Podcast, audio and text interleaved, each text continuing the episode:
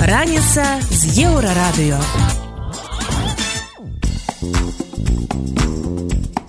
Добрай раніцы вітаем вас на еўрарадыё Пачынаем праграму раніца з еўрарадыё. Штодзённае шоу пра важныя падзеі, якія ўплываюць на жыццё беларусаў. галоўнае на гэты момант У Беларусі выраслі выплаты сем'ям з дзецьмі. 48 чалавек затрымалі сілавікі па справе махлярскіх кол-цэнтраў У членов организованной группы изъята э, компьютерная техника, бухгалтерская документация, э, электронные носители, которые свидетельствуют о противоправной деятельности данной преступной группы, свыше 200 тысяч э, долларов в эквиваленте. Як ставяцца да вядомых палітвязняў за кратамі. То есть тут все залежыць ад чалавека які чалавек э, табе попадзецца такі чалавек і будзе Падрабязнасці неўзабаве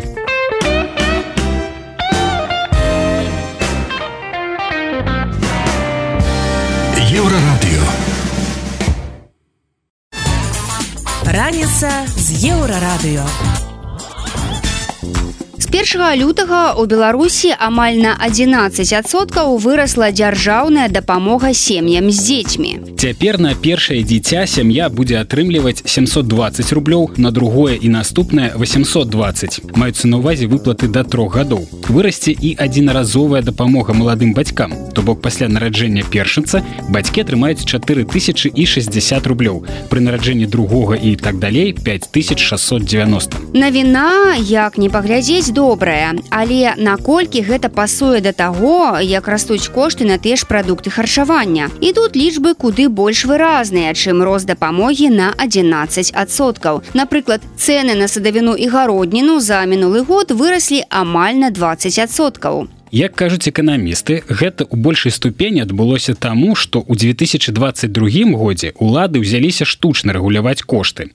Вось што на гэты контр сказаў старшы навуковы супрацоўнік эканамічнага цэнтра Бірок Дмітрый Крук. першы самы галоўны ён не толькі вось гэтых цэнаў тычыцца гародніны звязаных гэта цэнавае рэгуляванне 713 постанова і там яшчэ ёсць асаблі асобная пастанова для сельскай гаспадаркі вось гэтае прысяданне якое было двадцать другім годзе э, часткова не цалкам але часткова яно тлумачыцца якраз таки цэнавым рэгуляваннем і адпаведна у третьем годзе гэта ну вось э, такі выраз эканамісты выкарыстоўваюць адскок. То бок вяртанне да больш э, некага абрунтаванага ўзроўня.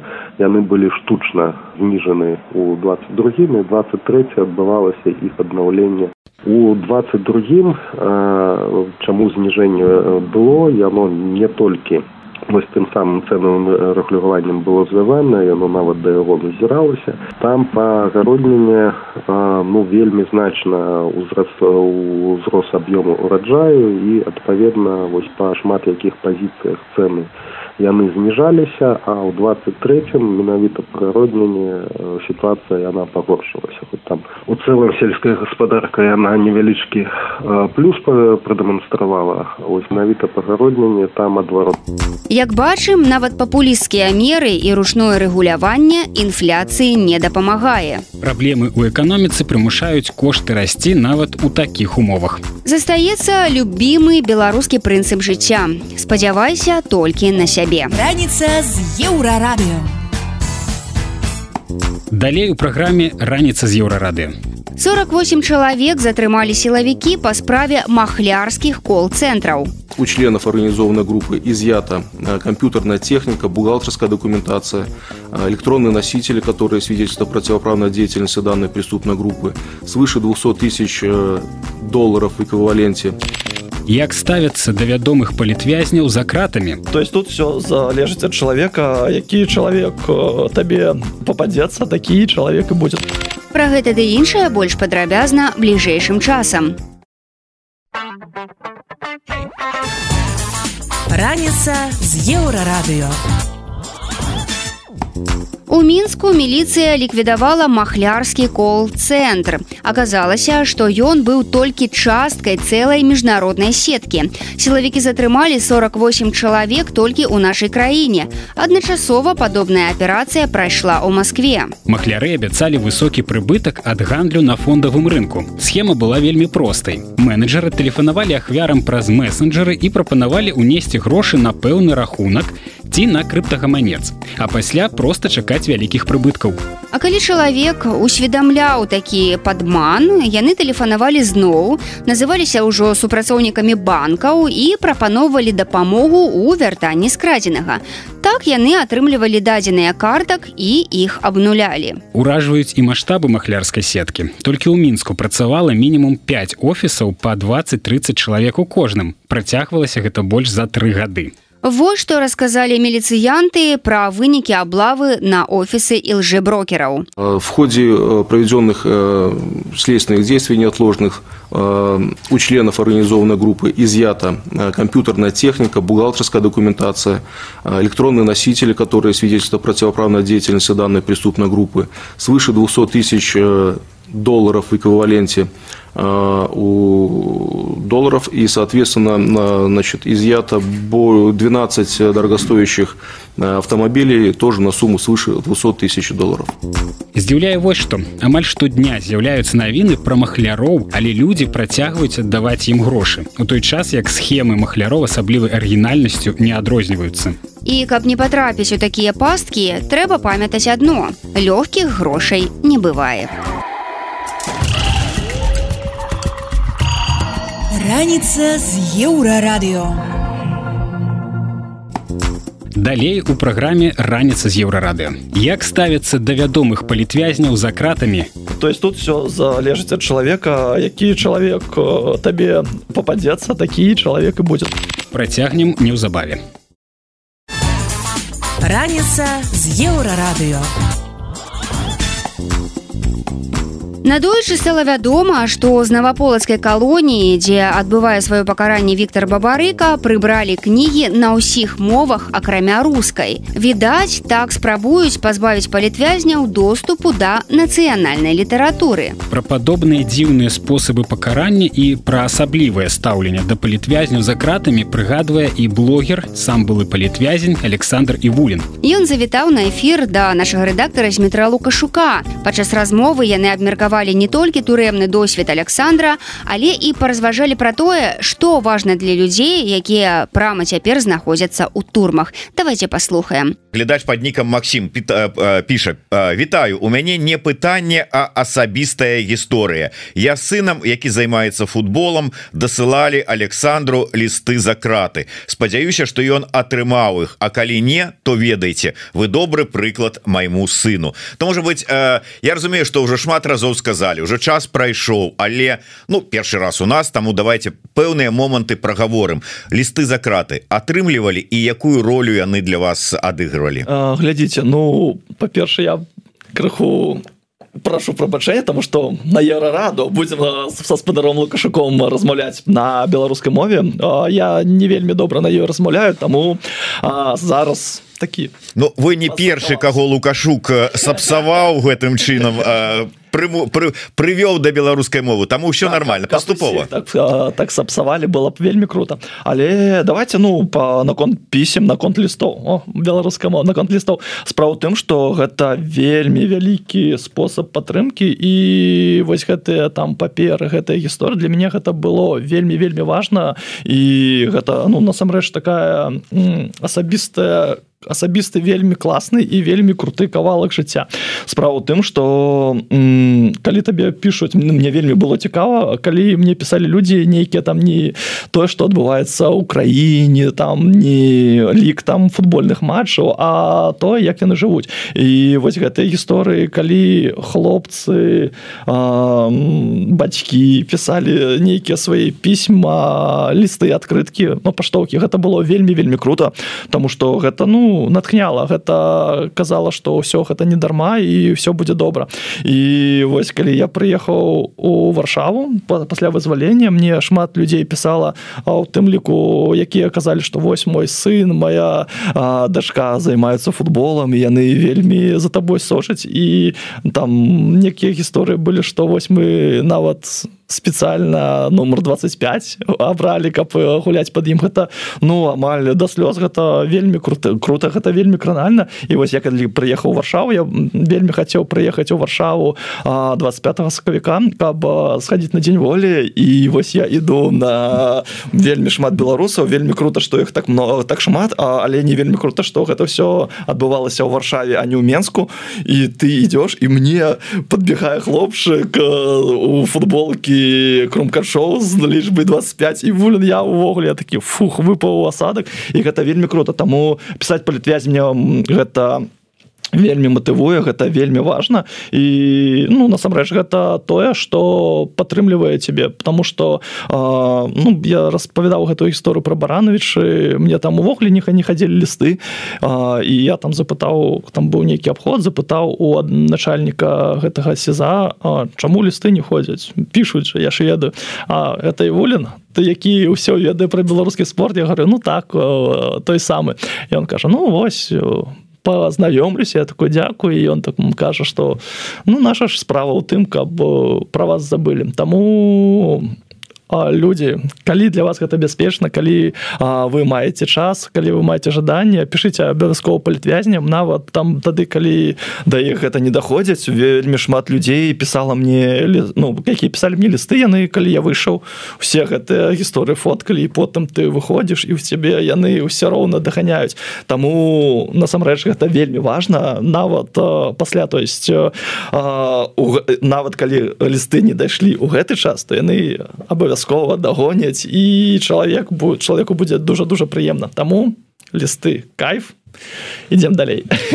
Александр але вось сапраўды цікавая гісторыя мяне заўсёды гэта ну как бы было цікава. Ось ты кажаш что ну как бы гэты там начальнік ці там хто там это вертухай сказал А ты вулін А ну да ну то есть ён ведаў хто такі вулін что і вулін займаецца прасоўваннем спорта на сваім YouTube канале. Вядомы чалавек. Стаўленне да вядомых людзей там вот ад гэтых вось людзей. Гэта ну та ім паблажки даюць ці наадварот. Ах вось ты вось такі вядомы тут ты типа у нас тут элітка зараз мы тут табе вот яшчэ наадварот горш зробім. Ну тут все залежыць менавіта ад людзей. То есть былі людзі якія там вялі мяне з кабінету указалі саньку все будзе нармалёва ўсё гэтак далей былі людзі якія ось таму спасибо что смотрите такая гісторыя. Былі людзі якія наоборот там типа вось ты там разваліў краіну грубо кажучы. Вось то есть тут все залежыць ад чалавека які чалавек табе попадецца такі чалавек і будзе. Ну напрыклад там некаторыя там крыху пазнавалі крыху там менш как наручнікі будуць кайданкі кайданкі да. Крыху меж кайданкі зашпільвалі ці там нейкія паблажышкі але былі тыя хто пазнаваў такі А вось гісторыя як мне з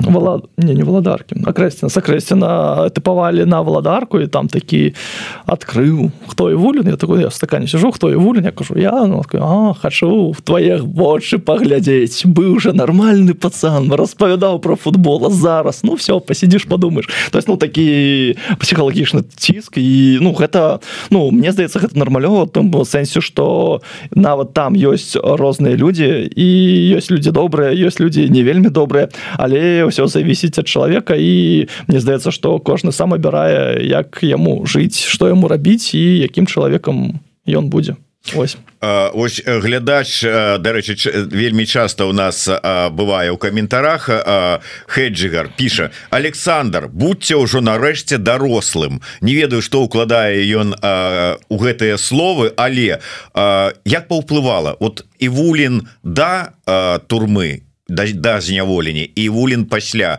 Як адрозніваюцца гэтыя два чалавека Ну мне вельмі часто писали прыватныя паведамленні у каментары что взгляд крыху пасталеў. То есть і ну насамрэч я адчуваю что я крыху пасталеў нейкага досведу появилась тому что мне вельмі было важно каб час за кратамі не прайшоў. Вот просто як пражыў чамусьці навучыцца штосьці зрабіць. А на ну і чаму ты навучыўся блин я кніжак прочытаў мелказёр уже мяне травіць что три з половиной три з половы кніжкі прачытаў я кніжак вельмі на что вельмі увогуле турма зона гэта такая гісторыя где ты вельмі хутка вучышся то есть гэта кажуць там армія гэта школа жыцця там а тут зона таксама школа жыцця. То есть там вельмі а, ты вучышся сябе паводзіць. Недзе а, что сказаць аднаму что другому. І вельмі людзей вельмі вельмі бачна яны які яны вельмі бачна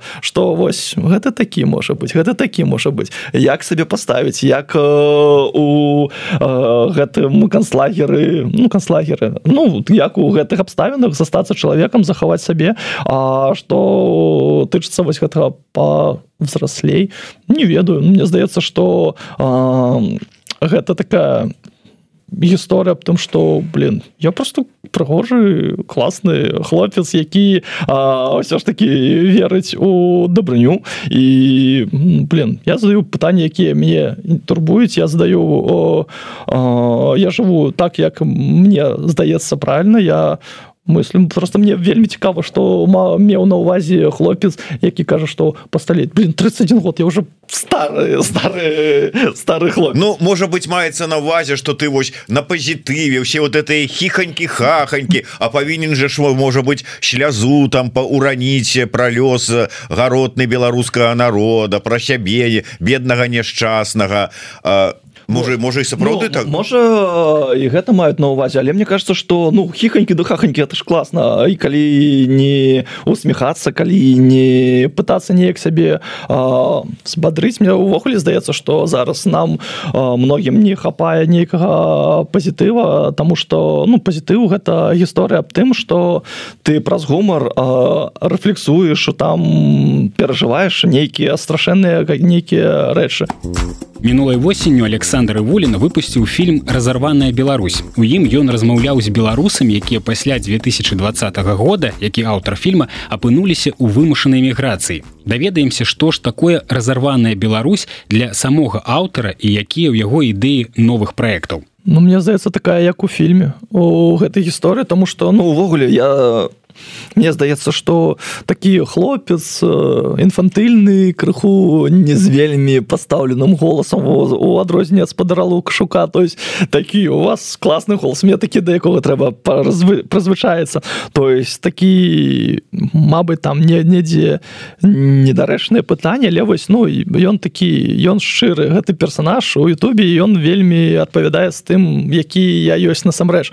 Вось і ўсё что я транслюю на Ютубе Ютубе у сваіх выпусках ну гэта натуральна я і мне здаецца таму людзі вось спачуваюць людзі глядзяць людзі подписываются гэта вельмі важно. І мне здаецца у гэтай гісторыі сразу раз разрываны Беларусю ну мяне насамрэч вельмі свербіць мне вельмі хочется у Беларусь ну нават вось сказали там год пройдзе уже все але не то есть ну вядома там будзе калі у адбудуцца перамены там будзе не вельмі ўсё класна з пункту глежня там эканомікі гэтак далей але а, гэта будзе вельмі вялікая гісторыя аб тым што ты можаш нешта зрабіць крутое зрабіць вельмі якаснае і прынесці вось гэты досвед які мы тут усе спажываем і рабіць на радзіме. Ну гэта увогуле вау Мабыць на беларускай мове. Хто ўвогуле будзе вельмі круто Вось і таму там такія мы з рэдактарамі з рэдактарскай нашай групы крыху спрачаліся ў там сэнсе што ў мяне казалі што мне вельмі ванільныя нейкія подводкі там каб збіваць нейкія блокі. А, вельмі такое ўсё воздушно такое. Але ну гэтым весь я і мне здаецца што вось моя Беларусь гэта разорваная разорваная Беларусь. Гэта якраз таки про тое что нас спрабуюць раз'яднаць сказаць что вось вы уехали дрэнныя вось из-за вас усё плохо за вас там пакутваюць людзі якія же вам дапамагалі але ну я ў гэта шчыра веру что прыйдзе час і ўсё гэта яднаецца. То есть но вядома что мне здаецца что гэта будзе час не блізкі таму зараз такой час калі трэба по максам захаваць сябе. А мне ж нстаграм экстрэмісткі сталі зрабілі і людзі там пісалі ну прабач але адпісваюсь але ўсё ну яны ўсё роўна сочыць і нейкі фідбэк даюць і гэта ну вельмі круто что там надпісался там мне было там под 14 здаецца тысяч подпісальні под подпісальнікаў подпісантаў фаловеру англійскі ангельскую крыху ведаю Вось зараз там каля 12 здаецца але 13 то есть две тысячи чалавек адпісались але яны сочуць і нават не под без подпіски таких ну, ось так вось так вось так. і гэта вельмі круто то есть зараз такая гісторыя аб тым что э, ну нельга казаць усё тое что ты думаешь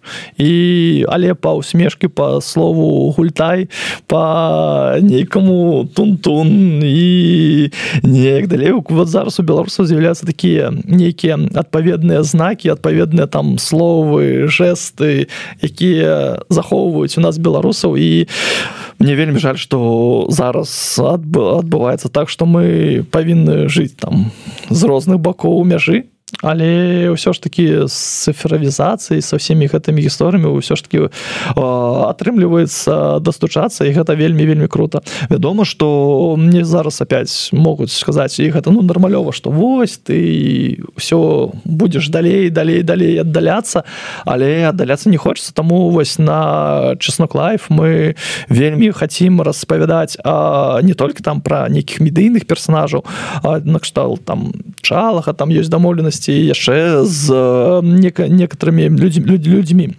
А, вельмі хочется распавядаць яшчэ і аб не вельмі медыйных людзей але а, да, людзях якімі стоіць ганарыцца там лекары якія дапамагаюць вось так незаметна. То есть лекары настаўнікі бізнесоўцы я не ведаю. Але ну вядома что там з'яўляцца там пакуль яшчэ не экстрэміскі Ну гэта мне здаецца час справа часу что скажуць что экстрэміскі все але распавядаць про беларусаў класных распавядаць не толькі мне здаецца увогуле зараз у Ютубе ну не вельмі з павагай да фармату але не вельмі хапае вось таких сме хуёчков і вось, вось гэтага.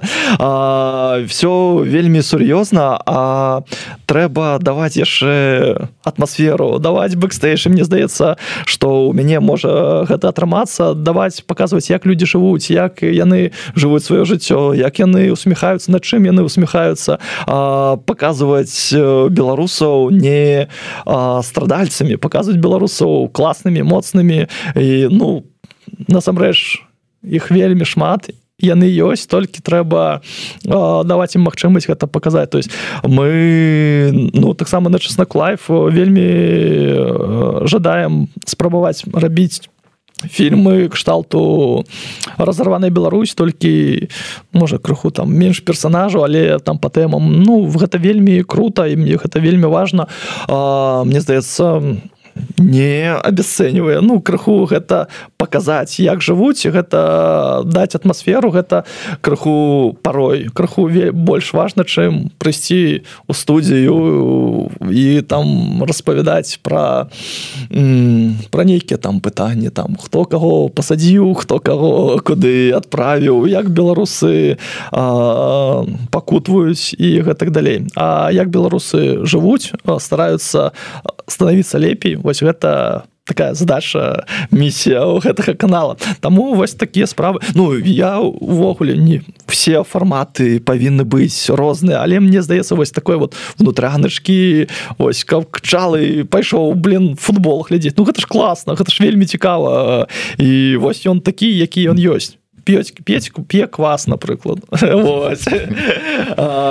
п'е квас ён гухмю смяецца як далі вось пайду гаспадара можа луку шукаю калі ён пагодзіцца там. Вось покажу як тут здымаецца ўсё калі мне дазволіць і гэтак далей то есть людзям мне здаецца патрэбна у іх ёсць запыту і у іх ёсць патрэба не толькі слухаць нешта а глядзець паказваць і знаёміцца там з беларусамі якія ёсць. То есть ну мой прыклад гэта аб тым что я там знаёмлюся з чалавекам ён кажу так у меня адчуванне что я ўсё про тебе ведаю вось мы сябры. І вось гісторыя аб тым чтоб мы ядналіся показывалі як мы живвем показывалі як мы становимся лепей. Ну гэта мне здаецца вельмі важно вось такая вось мэта мне здаецца мне ўго здаецца можа атрымацца вельмі цікава. Ну і мы будемм рабіць все што патрымалася. Вельмі цікава. У нашым эфіры быў блогер і журналіст александр вулін ён распавёў пра свой досвед зняволення і новыя праекты для Ютуба. Раніца з еўрарадыё Далей у праграме раніца з еўрарадыё. Сельская гаспадарка за мінулы год страціла больш за 7 тысяч працаўнікоў. Калі ты не ведаю працуеш нармальным кваліфікаваным будаўніком, ты заробіш у той самай Польшчы ў тры разы болей, чым у Беларусі. Гурт B2 нарэшце у поўным складзе выехаў у Ізраіль. Да, я горжусь тым, што я завельцянин. Э, моя страна э, помогла мне стать самостоятельным, и моя страна спасла меня и моих друзей в трудную минуту. Пра гэта больш падрабязна бліжэйшым часам.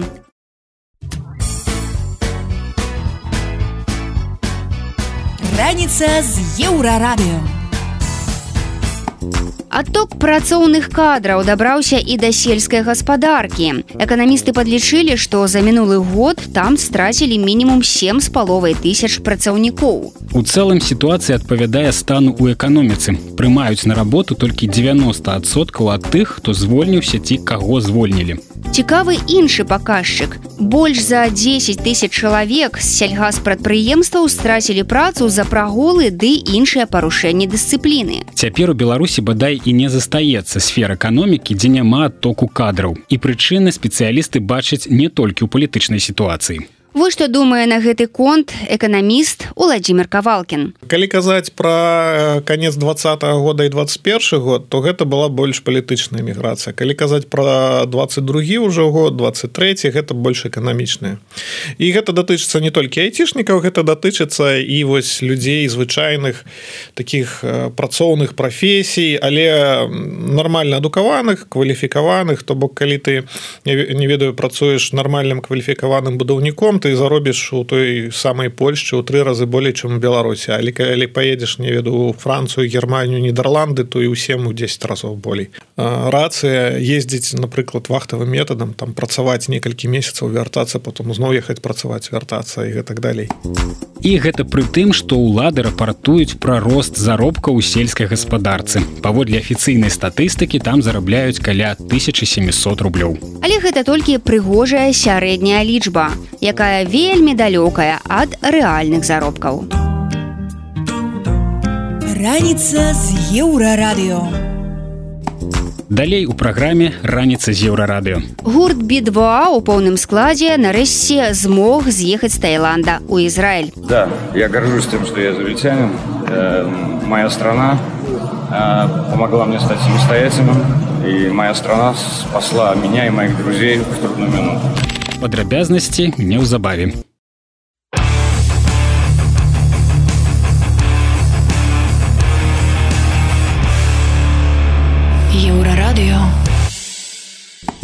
Усе ўдзельнікі гурта B2 прыляселі з Таіланда ў Ізраіль. Хаця да апошняга моманту лёс музыкаў быў пад пытаннем. Яшчэ два дні таму ім пагражала дэпартацыя ў рассію. Каротка нагадаю гісторыю пытання, калі раптам нехта прапусціў. На мінулым тыдні ў Таіландзе затрымалі шасцёх удзельнікаў папулярнага гурта, у тым ліку фронтменаў лёву і шуру. Іх абвінавацілі ў правядзенні канцэрту без спецыяльнага дазволу і адправілі ў часовы цэнтр утрымання мігрантаў. Адразу ж з'явілася інфармацыя, што гэта помста расійскіх уладаў, бо гурт B2 выступіў супраць вайны ва ўкраіне і з'ехаў з рассіі. Спачатку музыкаў абвясцілі інаагентамі, а цяпер знайшлі спосаб дастаць іх нават за мяжой. Расійскія дыпламаты ў Тайландзе спрабавалі дамагчыся іх э, дэпартацыі ў рассію. Але лёва і шура маюць грамадзянства Ізраіля. Гэтая краіна ў выніку дабілася вызвалення ўсіх музыкаў, нават тых, хто мае толькі расійскі пашпарт. Нарэшце першага лютага ўсе яны прыляцелі ў тэлявіў. Вось што музыкі распавялі журналістам, якія сустракалі іх у аэрапорце. Да, я горжусь тем, что я израильтянин. Э, моя страна э, помогла мне стать самостоятельным, и моя страна спасла меня и моих друзей в трудную минуту. Вернетесь в Россию? Нет, я в Россию больше не буду. Хочу сказать огромное спасибо вообще команде, которая нас выручала. Это в первую очередь израильское консульство, а австралийское посольство в лице Пима, потому что они нас отбили, конечно, очень сильно. А, ребята из Америки, ну и все наши друзья, все правозащитники, кто за нас боролся, наши родные, наши поклонники, спасибо огромное. Мы на свободе, и мы продолжаем дальше двигаться дальше в тур. З гэтай гісторыі можна зрабіць выснову. Усім, хто выступае супраць дыктатуры, трэба быць асцярожнымі, калі падарожнічаеш у дружалюбнай рассіі ці беларусі краіны. Раніца з еўрарадыё.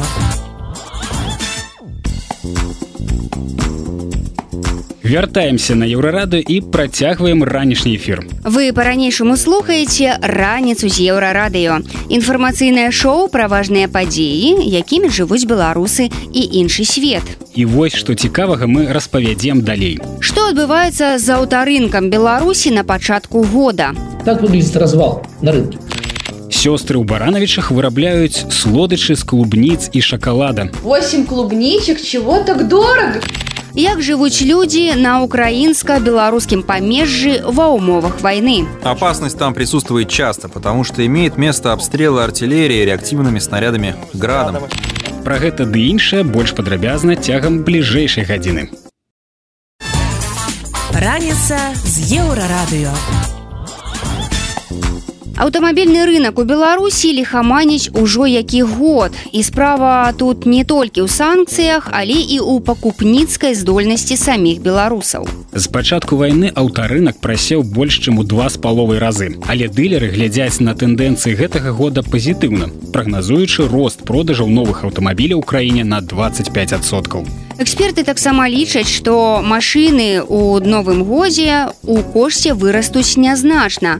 Але ці сапраўды існуюць падставы для аптымізму, пакуль не зусім зразумела. Якія маркі аўто цяпер прысутнічаюць на аўтарынку краіны і наколькі запатрабаваныя кітайскія машыны джылі беларускай зборкі. На пытанне выдання Маланка адказвае палітык блогер Александр Кнырович. Сам по себе белорусский автомобильный рынок достиг своего пика в 2019 году, и тогда было продано более 64 тысяч штук легковых автомобилей, ну и легковых коммерческих автомобилей, они тоже считаются э, в эту сумму. 64 тысячи. Это было много, это было замечательно. И в 2019 году на многих других рынках, в том числе на, в Польше и в Германии, были тоже поставлены рекорды. Это был там очень хороший год до ковида, до репрессий, до войны. В России же таким пиковым годом был когда-то 2013 год до Крымской весны. Вот такое совпадение. В 2013 году в России было продано 2,8 миллиона штук автомобилей. Потом пришел 2014 год, они победили, и рынок начал почему-то э, реагировать резким э, падением. И падал он, но об этом мы поговорим чуть позже. Соответственно, имели 64 тысячи штук. 2022 год был годом кризисным, продали около 18 тысяч штук. Мы можем с вами померить, что падение составило более чем в три э, раза. В этом году чуть-чуть отросло. В этом году у нас статистика около 24 тысяч штук проданных автомобилей и вот этих легковых коммерческих автомобилей. Это называется, что мы чуть-чуть оттолкнулись от того дна, на котором оказались. Почему было вот такое дно? Ну, во-первых, была паника на рынке. Из-за того, что резко начали уходить большие автомобильные бренды, а раньше главную роль на рынке выполнял концерн Renault Он, с одной стороны, был представлен моделями Рено, и, конечно, очень популярная модель, очень дешевая Логан. С другой стороны, он же представлял продукцию автозавода. Рено был собственником автозавода, его доля на рынке была около двух третей. Добивалось это все у нас Volkswagen и Hyundai. Но на остальные марки оставалось не так много. Kia как бы подрастала и так далее. Это был такой нормальный европейско-азиатский рынок с вкраплением обновленного автоваза. И вот э, Рено и очень много других марок, в первую очередь европейских, собрались и ушли э, с рынка. То есть на рынке просто не стало предложения, и был период, когда самый дешевый автомобиль в Беларуси стоил почти 15 тысяч долларов. Это, был, это была пустая э, Лада Гранта, по-моему, она была даже без этого, без гидроусилителя э, руля. То есть в первую очередь, собственно, не стало машин.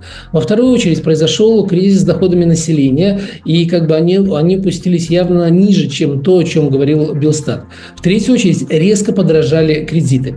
И вот три этих фактора сыграли на рынке э, покупателей автомобилей вот так вот. В три с половиной раза уменьшился этот рынок. Если мы посмотрим на российский рынок, то падение произошло примерно таким же. В 2022 году там было 680 тысяч автомобилей продано всего, а годом ранее эта цифра была там что-то около полутора миллионов.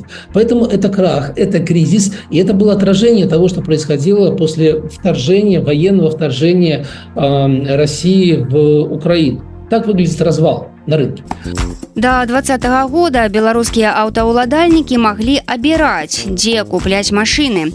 Тыя, у каго было досыць грошай, замаўлялі новыя аўто ў афіцыйных дылераў кшталту Рено, Volkswagen, Джлі. Тыя, у каго фінансы спявалі рамансы, гналі бушку з Еўросаюза ці замаўлялі бітыя машыны з ЗША з магчымасцю іх рамонта. Пасля распачатых рэпрэсій і вайны магчымасці па набыцці новых машын і перагону бэушных у беларусаў рэзка скараціліся. Але ці змянілі аўтаўладальнікі свае перавагі? Зноў каментуе ситуацию Александр Кнырович. 2023 год был таким годом восстановления. Мы увидели, что, во-первых, в Беларуси чуть-чуть поднялся спрос. И, конечно, самая главная марка на рынке сейчас у нас это Geely Colorade ценой от 20 тысяч долларов. Если судить по этому предложению, то кажется, что белорусы очень богатые люди. Но на самом деле просто этот Geely может купить сегодня фактически любой, простите, бомж, простите меня уже за это как бы сравнение, но условия кредитования такие, что действительно человек с крайне низким доходом может и купить, и оплачивать там льготные ставки по кредитам. И именно это как бы является причиной того, что китайский автомобиль Geely Cool а он, конечно, никакой не белорусский, э, занимает там более 70% э, рынка, ну, с учетом других моделей Geely. Поэтому наш рынок стал китайским, к нему добавился восстанавливающий позиции АвтоВАЗ, на все остальные марки приходит очень и очень мало. Крайне интересно взглянуть в этой части на рынок России – который на 50% китайский. Там такие названия, ну, они известны как бы профильным людям, разбирающимся в автомобиле, но они крайне удивительны для того рынка, который был раньше. Там Хавал, ну, Джили, Черри, понятно. Но автомобиль под маркой Омода занимает значительную долю рынка и очень хорошо продается в России. И так далее. То есть э, на этот рынок пришли китайцы, заняли половину, и у них очень большие амбиции. То есть у них есть восстанавливающийся автоваз, и все остальное это, это китайский автопром. Фактически, как бы вот эти большие европейские, японские и э, южнокорейские марки отдали свой рынок, который был в России, китайскому автопрому, и это нормально, потому что для них э, рынок России был не более чем 2% их продаж, и дешевле было отдать и сказать, что мы не участвуем в э, рынке страны, которая воюет с Украиной, чем как бы поддерживать эти продажи и, в общем, нести имиджевые и финансовые потери, потому что от этого были финансовые потери. После объединения рынка Беларуси с рынком России, но с точки зрения таможенных пошлин, конечно, у белорусов не осталось таких возможностей, которые были раньше. Достаточно дешево привозить автомобили из Европы или из США и здесь растамаживать по белорусским таможенным э, пошлинам и благополучно ими э, пользоваться. Фактически на запад, за западным рубежом у нас стоит нормальная такая э, стена, и такой возможности в реальности нету. Поэтому те потрясения, которые были э, на рынке в 2022 году, вызвали резкое поднятие цен на самых ходовые модели с небольшим возрастом, небольшим пробегом на 2-3 года. Те самые привычные э, белорусам модели вдруг скаканули на 20, 30, а иногда и на 50 процентов. Мы говорим про поддержанные э, автомобили. Об этом пишут профильные, профильные э, СМИ в автомобильной отрасли. На сегодняшний день, как бы, по сути, э, эта часть рынка уже вымыла хорошенько, а дальше какие-то существенные э, тренды идут в том же направлении, как идут и тренды на, на первичном рынке. То есть он успокоился, он пришел в норму, но единственное, что, э, конечно, объемы совершенно не те. То есть мы видим реакцию, нормальную реакцию рынка на так, как будто у нас просто снизились доходы, увеличились кредитные ставки. То есть это автомобиль не является товаром первой необходимости, и люди просто начали меньше потреблять. Вот эти цифры говорят о том, что люди откладывают покупки новых автомобилей на когда-нибудь потом, когда ситуация э, немножко устаканится, ставки кредитные э, упадут, и будет как бы легче принимать решения, будет меньше рисков. Я бы даже назвал это, знаете, такой попыткой поддождаться окончания войны и посмотреть, что будет потом. З нами быў палітык і блогер Александр Кнырович. Ён распавёў, што адбываецца цяпер з аўтарынкам краіны і як змяніліся перавагі аўтаўладальнікаў ва ўмовах вайны і санкцый. Раніца з еўрарадыё. Далей у праграме раніца з еўрарадыё. Сёстры ў баранавічах вырабляюць слодычы з клубніц і шакалада. 8 клубничек, чего так дорого? Як жывуць людзі на украінска-беларускім памежжы ва ўмовах войны? Опасность там присутствует часто, потому что имеет место обстрелы артиллерии реактивными снарядами градом. Працягнем пасля навінаў спорту. Раніца з еўрарадыё.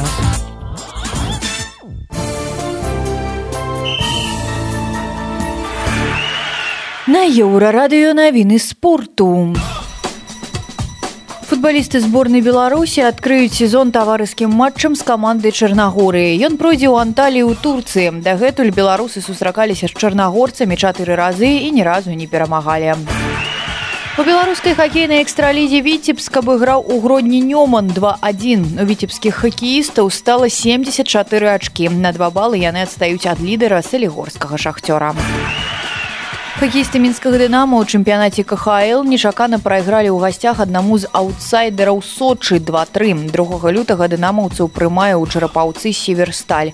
Абедзве каманды яшчэ не забяспечылі сабе месца ў плэй-офф.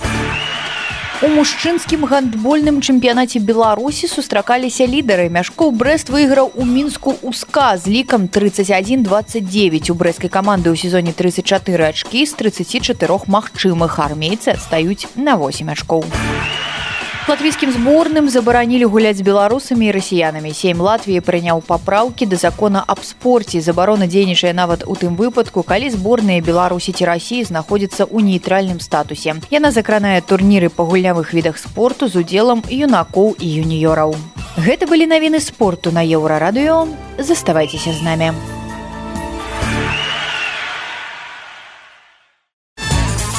Раніца з еўрарадыё.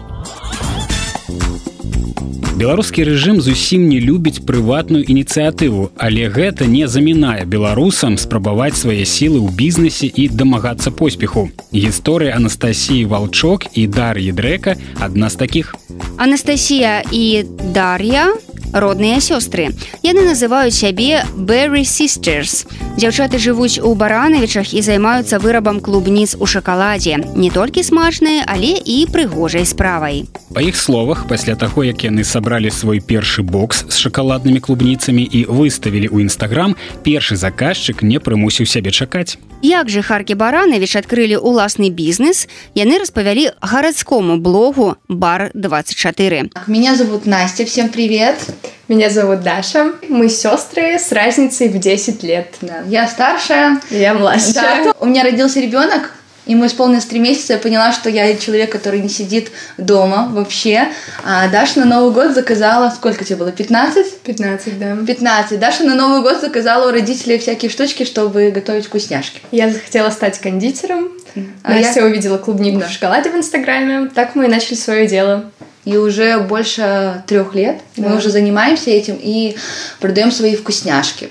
Я ужасная сладкоежка, но я ну, я вроде вот сладкоежка, но я не люблю ничего приторно-сладкого. То есть некоторые там тортики, там только домашние, то есть какие-то с кислинкой.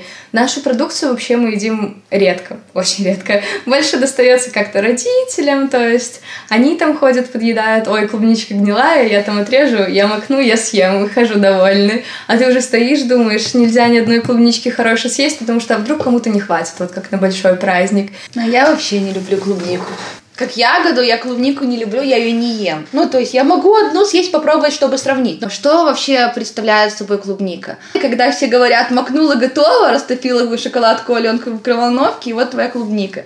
Нет, это все намного сложнее, но это наше дело, которым мы занялись и очень довольны, что выбрали именно это направление. Мы расширяемся. Самое проблемное – это ягода. Вот нас спрашивают сезон. Сезон просто... Ну, он есть зимой, но это на греческую клубнику. Э, летом у нас это тепличная клубника, это уже наша белорусская, но не просто, как мы покупаем на рынке, а именно тепличная, дорогая, хорошо выращенная в прекрасных условиях клубника. Бізнес сясцёр Анастасіі і Дар'і існуе ўжо тры гады, але ёсць і цяжкасці. І нават цяпер, калі здавалася б працэс адладжаны, не ўсё ідзе гладка. Асноўная праблема пошук клубніц. Дзяўчатам даводзіцца дамаўляцца з фермерамі, ездзіць самастойна на машыне ў іншыя гарады, а з дастаўкай перыядычна прыязджаюць дробныя гнілыя перамарожаныя ягады. Сёстры кажуць, што могуць выкінуць да 30 кіло клубніцу год, а мінімальная дастаўка зімой ад 5 кіло. Таму пастаўшчыкоў трэба абіраць вельмі пільна. Працягваем слухаць пра салодкую справу дзяўчат з баранавіч. Ну, бывает люди спрашивают, а чего так дорого? 8 клубничек, чего так дорого? Как это не может столько стоить? На рынке килограмм там 10 рублей летом стоит, там или 8, или 5 бывает. Почему? Я говорю, потому что у нас килограмм клубники стоит 65 рублей. Вот на данный момент, на сегодняшний день. 65 рублей, без условия доставки. Доставка маршрутки иногда загибает и 20 рублей, если передать. Ну, это очень дорого. Шоколад тоже. Поэтому кто, кто разбирается, кто пробовал, тот не задает таких вопросов. Чаще всего часть клубники выбрасывается, особенно на большие праздники. Иногда это доходило и до 30 килограмм на 8 марта, потому что клубника мелкая, клубника гнилая, где-то хвостик оторвался, где-то перемороженная. То есть очень много нюансов с этим. У нас было, мы плакали на 14 февраля, когда нам пришла клубника с Пинска, мы заказали 100 килограмм, наверное около 100 килограмм клубники. А, она приехала, половина ящиков были вот такие. У нас очень часто заказывают люди из других стран, то есть кто-то работает, у кого-то там дети уехали, то есть заказывают. И мужчина на наш 1-8 марта заказал, ну, наверное, букет вот такой был. Мы еще его сами доставляли. Да, ездили вот вдвоем с курьером, потому что, ну, его надо было держать. То есть там было около, ну, наверное, 40 клубничек, может, больше даже. Больше, там, наверное, 55 да. было, 57 где-то так. И по кругу везде это, то есть огромные красивые белые розы. Сейчас, к вот сожалению... такие бутоны. Да, сейчас мы никто не заказывает такие букеты. Ну, то есть больше такие минималистичные букетики. Это сложно, но мы рады, что мы это выбрали. Всем пока! С любовью, ваши Berry Sisters! Настасья і Дар'я не робяць у сваёй справе акцэнт толькі на клубніцах у шакаладзе. Яны займаюцца таксама шакаладам ручной працы, вырабам арэхавых боксаў і прытрымліваюцца розных трендавых напрамкаў. Напрыклад, летась яны рабілі дэсерты моця 3D торты з макаронс. А у гэтым годзе гэта фінікі, гранат і сыр у шакаладзе. Паколькі Дар'я яшчэ вучыцца ў мінску, сёстры пачалі скараць сваімі смачнымі вырабамі і сталічную аўдыторыю. У будучыні плануюць працаваць у двух гарадах. Дар'я ў мінску, а Анастасія ў баранавічах і пры гэтым заставацца адной камандай. Раніца з еўрарадыё. Далей у праграме раніца з еўрарадыё. Як жывуць людзі на украінска-беларускім памежжы ва ўмовах войны? Опасность там присутствует часто, потому что имеет место обстрелы артиллерии реактивными снарядами градом. Працягнем пасля навінаў шоу-бізу.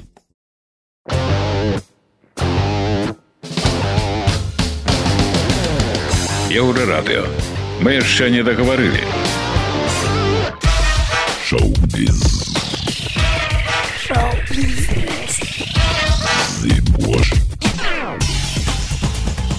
Вітаю гэта навіны шоу-бізу. Праблемы гурта Би-2 ў Таиланде былі выкліканы спецыяльным заказам рускага консульства на гурт. Пра гэта заявіў у аэрапорце Дэлявіва Ягор Бортнік Лёвы Би-2. Ён паляцеў першым яшчэ 30 студзеня, а учора сустракаў у аэрапорце калега ў астатніх удзельнікаў гурта. Іх шасцёра. Бортнік яшчэ раз паўтарыў, што не мае намеру больш жыць у рассіі. Музыкі падзяквалі ізраільскім і аўстралійскім дыпламатам за дапамогу, а родным і прыхільнікам за падтрымку. На мінулым тыдні іміграцыйная служба Таиланда затрымала ўдзельнікаў Би-2 пасля канцэрту на Пхукеце. У расійскім генконсульстве заявілі, што нагодай зрабілася праверка законнасці падстаў для ажыццяўлення канцэртнай дзейнасці. Музыкі казалі, што арганізатар мерапрыемства ў Таиландзе няправільна аформіў дакументы. Арганізатар кампанія VPI Event пацвердзіла, што візы для ўдзельнікаў гурта былі аформленыя некарэктна і гэта прывяло да парушэння міграцыйнага заканадаўства Таиланда.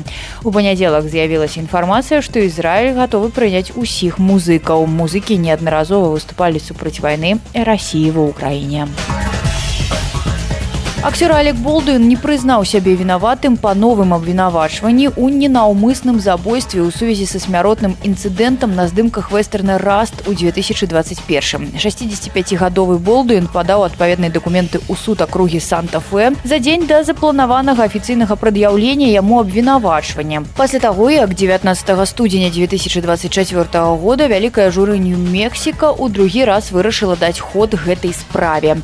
Раней акцёру было прад'яўлена абвінавачванне ў ненаўмысным забойстве. Ахвяры лічыцца аператор галіна хатчынс якая была застрэлена на здымачнай пляцоўцы з пісталета які знаходзіўся ў руках болдуіна. Апошні сцвярджаў што не націскаў на курок і не ведаў што ў абойме аказаўся баявы патрон. у зорка постапакаліптычнага трылера. 28 дзён праз кілян мёрфі вернецца ў сіквал знакамітага фільма 2002 года дэні бойла ў якасці выканаўчага прадюсера і магчыма акцёра. Паводле інсайдерскай інфармацыі соня была правы на пакет 28 гадоў праз які складаецца з двух фільмаў сіквелаў. Дэні бойл і сцэнарыст арыгінальнай карціны алекс гарленд напішуць сцэнарый да першага фільма які здыме бойл. Што да другога фільма сцэнарый да якога таксама падрыхтуе алекс гарланд то імя яго пастаноўшчыка будзе названа пазней. Кілян мёрфі выступіць у якасці прадюсера абедзвюх частак бюджэт кожнай паводле неафіцыйнай інфармацыі складзе каля 60 мільёнаў долараў. Дэталі аб сюжэтах карці карцін пакуль не выдаюцца. Гэта былі навіны шоу-бізу, заставайцеся на хвалях еўрарадыё.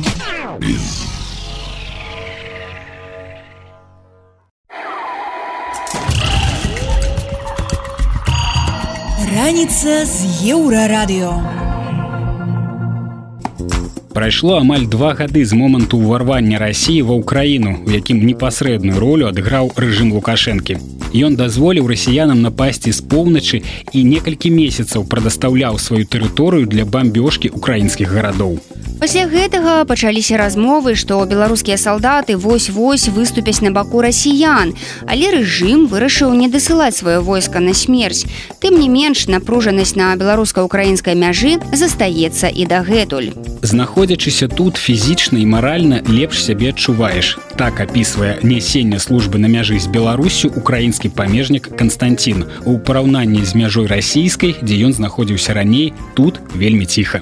Як жывуць людзі ля паўночнай мяжы ўкраіны і як украінскія вайскоўцы яе умацоўваюць, распавяла журналістка Ганна Пшемыская на YouTube-канале Дойчевелі. Минные заграждения, колючая проволока и тишина – это граница Украины с Беларусью. Военные, которые служат здесь, первые, кто должен встречать врага. Это один из наблюдательных пунктов на украинско-белорусской границе. Отсюда до территории Беларуси буквально несколько десятков метров. Здесь круглосуточно несут службу украинские пограничники. Их задача своевременно выявлять и информировать о движении бронетехники и проникновении сюда вражеских диверсионных групп. Визуальный контроль. Визуальный контроль, наблюдение, прослушивание, своевременное реагирование на изменения в обстановке. Так описывает свои задачи пограничник Константин. По его словам, пока на этом участке тихо. Слишком тихо, если сравнивать с российской границей, где он служил раньше. Прибывающие Находясь здесь, физически и морально лучше себя чувствуешь. Вот, Но все же мы военнослужащие и должны быть постоянно готовы. На готове. Мы едем на украинско-российскую границу на севере Черниговской области. Небезпека там присутня. Опасность там присутствует часто, потому что имеет место обстрелы артиллерии реактивными снарядами «Градом». Градом. Сюда достает артиллерия. В пятикилометровой полосе у границы – минометы. В последние месяцы также начали донимать ланцеты и квадрокоптеры. Но, несмотря на все, здесь живут люди Залишилися в населених пунктах там по 20 человек. Осталось там по 20 человек, по 10, по 12 в некоторых населенных пунктах. Это пожилые люди, которые не хотят покидать свои дома. Лишати свої будинки. Голови громад об'їхали е, Главы общин объехали почти всех людей, живущих на пограничье, предложили отселение и предлагают выезд в другие населенные пункты. пропонують саме виїзд в інші населені пункти. Люди Люди не согласны с выездом, рискуют своей жизнью. ризикують своїм життям. От городка Семеновка 10 километров до украинско-российской границы. Жизнь здесь как на пороховой бочке. Мы на границе живем.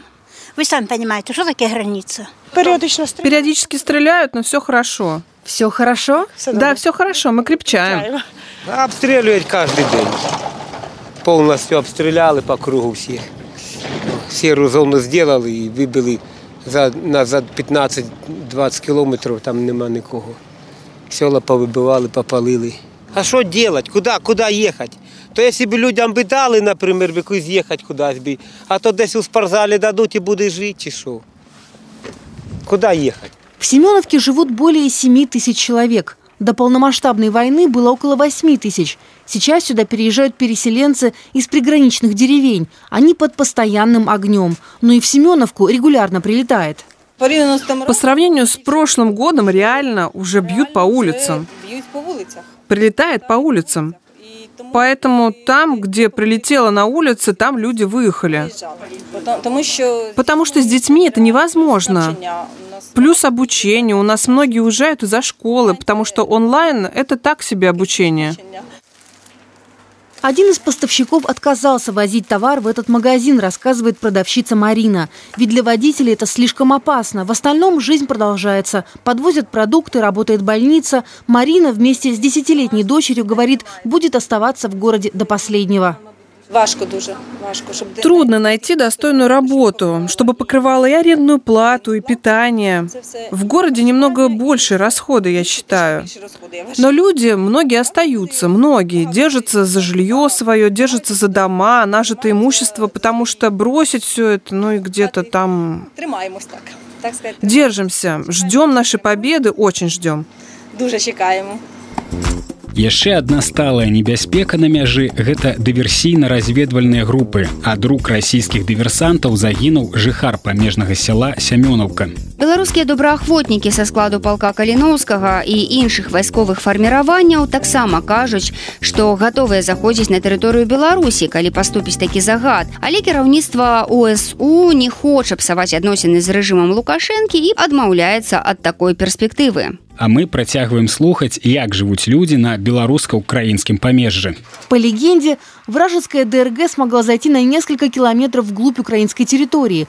Контрдиверсионная группа прочесывает местность. Служебный пес помогает саперам вовремя обнаружить растяжку и обезвредить гранату. Эти военные уже знают, чего ждать от вооруженных нарушителей границы Від звичайних підрозділів регулярної армії вони От обычных подразделений регулярной армии они отличаются более качественной подготовкой и снаряжением.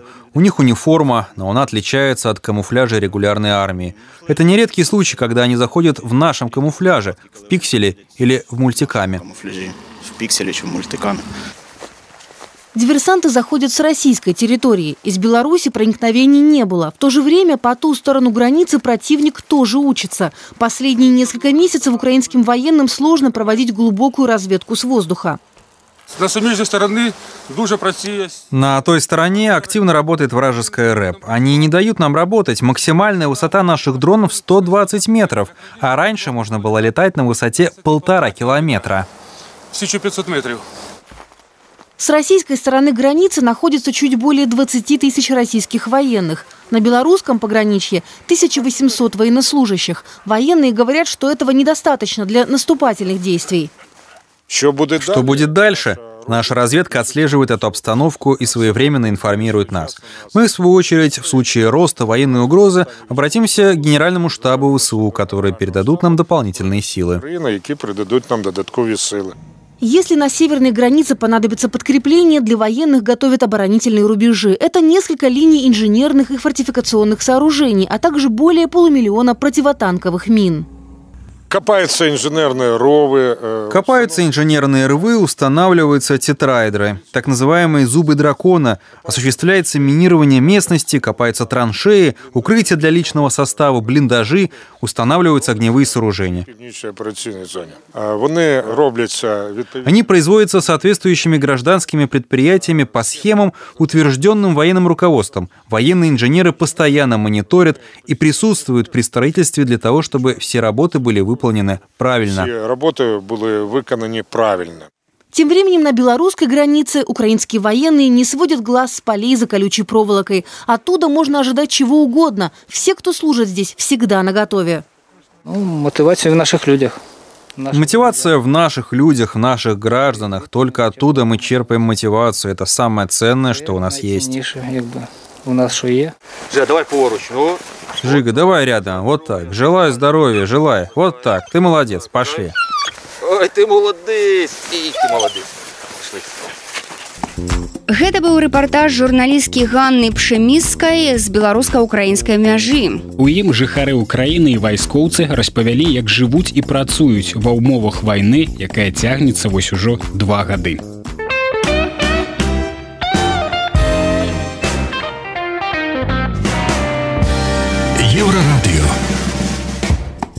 Гэта былі самыя важныя навіны і сэнсы раніцы з еўрарадыё. Заўтра ранкам мы зноў распавядзем вам пра галоўнае, што адбываецца ў краіне і свеце. Сустракаемся ў той жа час у тым жа месцы. Беражыце сябе. Пачуемся. Раніца з еўрарадыё.